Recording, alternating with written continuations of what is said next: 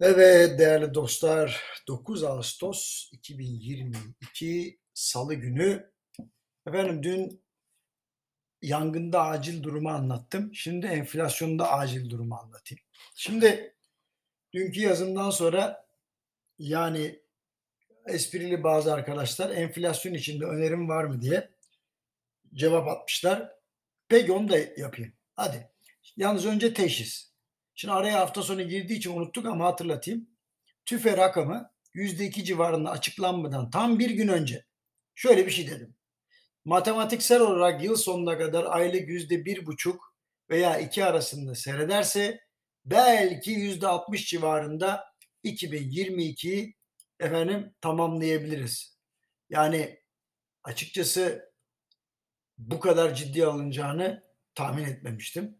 Özellikle İstanbul'da fiyatlar Temmuz'da %4'ün üzerinde artmışken TÜFE'nin %2 civarında yani bir e, enflasyon açıklaması beni epeyce düşündürdü onu söyleyeyim. Şimdi daha önce söylediğim gibi baz etkisinin yani olumlu tarafı e, Eylül'den sonra ortadan kalkacak.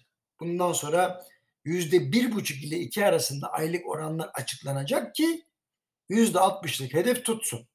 Bu ancak ve ancak döviz kurlarının sakin kalması ve çekirdek enflasyonda gözle görülür bir yavaşlama ile sağlanabilir. Fakat TÜİK açıklaması gösteriyor ki maliyet cephesindeki artış hız kesmiyor ve çekirdek enflasyon her ay yükseliyor. Şimdi mevsimsel etkiler sebebiyle beklenenden daha düşük çıkan enflasyona rağmen mevsimine bakılmaksızın satın aldığımız mal ve hizmetleri gösteren çekirdek enflasyondaki yükseliş fiyatlardaki yapışkanlığı teyit ediyor. Ağustos'ta tüfe yine düşük çıksa da çekirdek enflasyon bu şekilde artmaya devam ederse Eylül ayı ile beraber canlanan fiyatlar karşımıza farklı bir tablo çıkarabilir.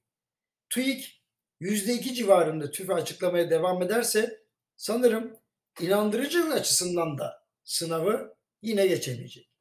Bilim insanı olarak resmi istatistik kullandığımız için TÜİK bizlerin de gerçekçilik sınavını geçme ihtimalimizi riske sokuyor diyebilirim. Daha ağır ne diyeyim bilemiyorum. Şimdi bu sebeple temasta olduğumuz kurumlara diyoruz ki kendi maliyet ölçütlerinize göre bir enflasyon hesaplaması yapın. Mali tabloları da buna göre tasarlayın. Ya aksi takdirde orta vadeli gelir gider öngörüleri farazi olur. Geriye dönük olarak maliyet artışları bence incelenmeli. Ona göre gelecekteki artışlarla alakalı öngörülerde bulunulmalı.